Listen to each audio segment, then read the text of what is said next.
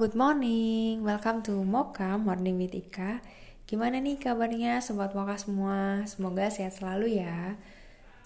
Di episode kali ini aku mau bahas tentang masalah. Masalah sebagai sebuah dia dari Tuhan. Kalau dengar kata masalah, pasti refleks pertama yang muncul adalah gak suka, gak enak, gitu kan bahkan kita pengen banget menghindar dari yang namanya masalah karena gimana gimana kalau ditanya pasti kita nggak suka sebagai manusia punya yang namanya masalah. Bahkan kalau misalnya kita lihat ya orang-orang di sekitar kita atau mungkin kita lihat di Instagramnya di sosial medianya kok hidupnya orang ini kayaknya bahagia banget sih gak ada masalah lempeng-lempeng aja. Kita pasti pengen punya kehidupan yang kayak gitu. Nah tapi faktanya kampun kayak gitu. Pasti dalam hidup kita itu bakalan ketemu sama yang namanya masalah nah persepsi kita terhadap masalah itu menentukan gimana sih kita merespon masalah tersebut kalau misalnya kita memandang masalah sebagai suatu hal yang gak enak kedukaan, gak suka, bahkan beban, pasti kita refleksnya adalah menghindari dan menjauhi yang namanya masalah, ya kan? Padahal ada sebuah lagu yang bilang kalau trouble is a friend, masalah adalah teman. Nah, kalau di sini aku mau coba mengambil sudut pandang kalau sebenarnya masalah itu adalah hadiah. Coba bayangin, gimana sih respon kalian kalau dapat hadiah? Pasti seneng banget kan? Bahkan kalau bisa minta lagi, pengen lagi gitu kan. Tanya siapa lagi nih yang mau ngasih aku hadiah kayak gitu kan. Nah, kalau berarti kita menganggap masalah sama dengan hadiah, berarti kalau kita dapat masalah, kita tuh seneng banget. Kita malah minta lagi dan lagi. Apa masalah apa lagi nih yang bakal datang? Kayak gitu. Nah, persepsi ini itu ternyata penting teman-teman karena uh, persepsi atau mindset kita itu menentukan gimana sih kita ngerespon masalah, ya kan? Di sini kalau dari hasil perenunganku ya uh, penghayatanku ketika aku mencoba menghayati uh, masalah adalah sebagai hadiah. Hal at, hal atau respon pertama yang muncul adalah aku berterima kasih. Berterima kasih bersyukur atas adanya masalah itu di hidup aku. Ya kayak sama kayak teman-teman dapat hadiah. Gak mungkin kan marah-marah gak suka menghindar gitu. Pasti kita seneng banget bersyukur banget. Bahkan orang tuh berlomba-lomba loh dapat hadiah gitu kan Nah, di sini kalau dari pengalaman aku ya, aku bisa uh, berterima kasih, bisa bersyukur atas masalah itu. Perjalanannya memang nggak sebentar, tapi dengan berulang kali menanamkan persepsi mindset di, di dalam diri aku bahwa masalah adalah hadiah, aku bisa berterima kasih sama kejadian-kejadian di masa lalu, sama orang-orang yang mungkin bikin aku marah, biar aku benci atau karena orang tersebut aku jadi punya masalah atau ada di posisi tertentu gitu.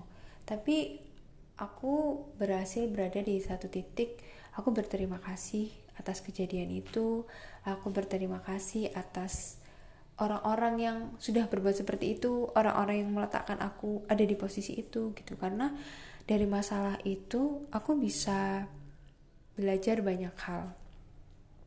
Contoh ya misalnya uh, di setahun terakhir ini itu aku merasa ya kan memulai karir tuh dari awal lagi karena beda bidang sama karir yang sebelumnya. Nah di sini di awal-awal tuh ngerasa sempet kayak marah, kecewa gitu sama diriku sendiri. Coba aku dulu nggak kayak gini, kayak gitu, kayak gitu. Atau orang ini tuh nggak begini, begini, begitu, gitu. Tapi setelah berjalan hampir satu tahun gitu, aku bisa justru bersyukur dan berima, berterima kasih atas kejadian itu karena aku malah semakin bisa mengeksplor hal-hal baru ya kan? Blind spot di dalam diri aku. Yang mungkin dulu tuh aku nggak sadar nggak melihat itu gitu. Dan aku juga berterima kasih akhirnya aku punya teman-teman baru lingkungan baru pandangan baru dan banyak hal baru yang bisa aku pelajarin gitu jadi emang terkadang suatu masalah itu kita nggak bisa ya dalam sekali waktu belum pas masalah itu datang kita langsung berterima kasih gitu. Kita butuh waktu dan memang butuh latihan sih kalau pengalaman aku untuk bisa akhirnya merubah mindset masalah sama dengan beban jadi masalah sama dengan hadiah. Nah tapi refleks ini tuh jadi satu hal yang penting gitu karena ketika kita itu berterima kasih kita bersyukur kita seneng nih dapat masalah gitu. Artinya kita tuh siap untuk memecahkan masalah itu gitu.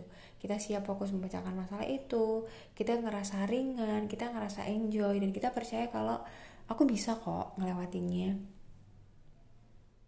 Nah itu gitu. Yang pertama responnya berterima kasih. Yang kedua aku tuh jadi refleks untuk bisa mengambil hikmah jadi sebenarnya ya dari setiap masalah yang mungkin Tuhan kasih ke kita atau istilahnya ujian hidup yang Tuhan kasih ke kita itu nggak mungkin nggak mengandung pembelajaran atau pesan kayak gitu.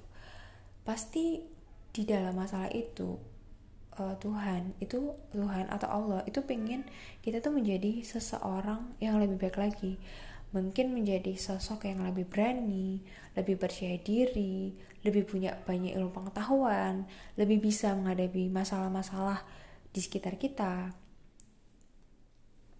Nah, di sini aku ketika ada masalah itu berusaha untuk refleks bertanya, kira-kira apa sih pesan atau pelajaran yang ingin Allah sampaikan ke aku lewat masalah ini? Serius, ini penting. Karena kadang refleks pengambil hikmah itu baru muncul setelah kita itu menjalani beberapa bulan atau setelah kita tuh melewatin berhasil kan kayak gitu. Nah jarang banget kita di awal tuh bisa ngerespon untuk fokus mencari tahu kira-kira Allah tuh mau ngasih aku pelajaran apa sih? Pengen kasih aku ilmu apa lagi sih lewat masalah ini?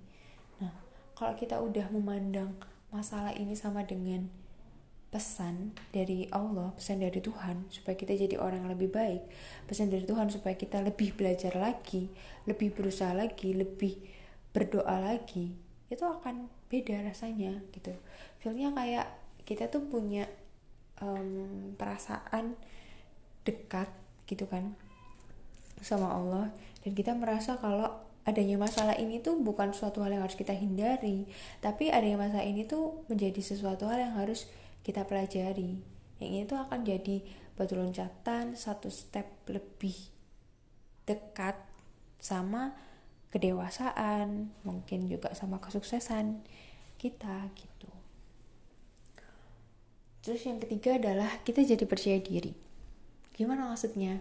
Kalau kita nganggap masa itu sebagai hadiah ya kan? Uh, kita selain berterima kasih fokus sama pelajaran kita juga jadi percaya diri. Ibaratnya nih kalau orang itu dapat hadiah ya kan dia kan pasti penasaran sama isi di dalamnya tuh apa sih gitu. Nah itu di poin dua tadi ya apa hikmah atau pelajaran yang pengen yang pengen Allah sampaikan. Nah yang ketiga percaya diri itu ketika orang dapat hadiah itu kan dia ada muncul perasaan percaya kalau orang-orang tuh peduli sama dia orang-orang tuh sayang sama dia dan kita tuh pantas dapat hadiah itu. Nah sama kalau kita memandang uh, masalah sebagai hadiah maka kita percaya kalau kita tuh pantas dapat ujian itu dan kita tuh bisa melewatinya ya kan? Kayak mungkin uh, kalau di Islam itu ada ayat al-baqarah ya ayat 286 yang menyampaikan bahwa Allah nggak akan menguji suatu kamu itu di luar batas kemampuannya. Artinya, sesulit apa pun masalah yang saat ini itu sedang kalian hadapi, kalian ngerasa nggak sanggup, nggak mampu, atau mungkin kalian tuh bertanya-tanya, ya Allah, why ini? Kenapa sih Allah kasih masalah kayak gini gitu? Tapi dengan kita percaya kalau Allah udah ngasih hadiah ini, berarti Allah percaya kalau kita tuh mampu melewati masalah ini karena Allah nggak mungkin menguji manusia di luar batas kemampuannya. Gitu kan. Dan kalau orang itu udah percaya diri kalau dia tuh bakalan bisa menghadapi masalah itu hari yang keempat muncul refleks fokus pada solusi. Ya kan? Nggak lagi lah kita melo drama kayak gitu kan. Uh, why me? Kenapa? Gitu kan. Kenapa aku? Kenapa Allah kasih masalah ini? Gitu. Tapi kita percaya kalau uh, kita tuh bisa melewatinya. Ya udah berarti aku harus lakuin apa nih? Biar masalah ini cepat selesai ya kan? Akhirnya muncul fokus sama solusi. Kita mencoba untuk cari kira-kira apa ya ilmu yang harus aku pelajari supaya aku bisa selesai masalah ini.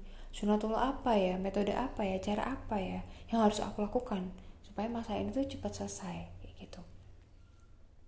Dan di sini kita juga bisa memasukkan apa ya aspek spiritual ya. Salah satunya selain surat al-baqarah tadi kita juga bisa lewat surat al-insyirah ayat 5 sampai 6 yang mana Allah menyampaikan sesungguhnya sesudah kesulitan itu ada kemudahan gitu. Berarti setiap masalah apa pun itu gimana pun beratnya gimana pun kita ngerasa nggak sanggup banget menjalaninya itu percaya aja kalau pasti ada jalan keluarnya mungkin saat ini tuh kelihatan berat karena kita nggak ngerti caranya nggak ngerti substansi masalah itu apa. Tapi kalau kita udah yakin percaya terus kita fokus pada solusi pasti ada aja jalan keluarnya. Bisa kita bertanya sama ahli kita belajar ya kan? Kita datang ke profesional terus kita mohon petunjuk sama Allah. Nah itu gitu ini hasil perenungan yang menurut aku cukup berharga hari ini buat aku. Dan aku harap juga bisa berharga juga bermanfaat juga buat teman-teman yang mendengarkan. Coba yuk kita memandang masalah itu sebagai sebuah hadiah dari Allah supaya refleks yang muncul ketika ada masalah adalah kita berterima kasih, bersyukur, kita fokus ke mengambil hikmah, mencari tahu kira-kira apa sih pesan atau pelajaran yang ingin Allah sampaikan ke kita lewat masalah ini. Kita percaya diri, yakin kalau kita bisa menyelesaikan, karena Allah nggak mungkin memberikan masalah di luar batas kemampuan kita. Dan yang keempat, kita fokus pada solusi, fokus mencari pemecahan masalahnya, mencari ilmunya, mencari sunatullah, metode dan caranya supaya masalah tersebut cepat selesai. Nah, itu sharing apa yang aku bagikan hari ini. Mungkin kelihatannya mudah diucapkan ya dalam kata-kata, tapi emang butuh latihan ekstra, latihan yang nggak sebentar, latihan nggak cuman sekali dua kali. Mungkin ini butuh latihan seumur hidup tapi percaya sama aku ketika kalian bisa berhasil merubah mindset kalian menjadi lebih baik menjadi bisa memandang kalau masa sebagai solusi insya Allah respon-respon dan sikap yang muncul ketika kita dapat masalah itu bisa jadi lebih baik, lebih bijak dan lebih dewasa. Sampai ketemu di episode selanjutnya. Selamat beraktivitas. Semoga bermanfaat buat kalian. Good morning.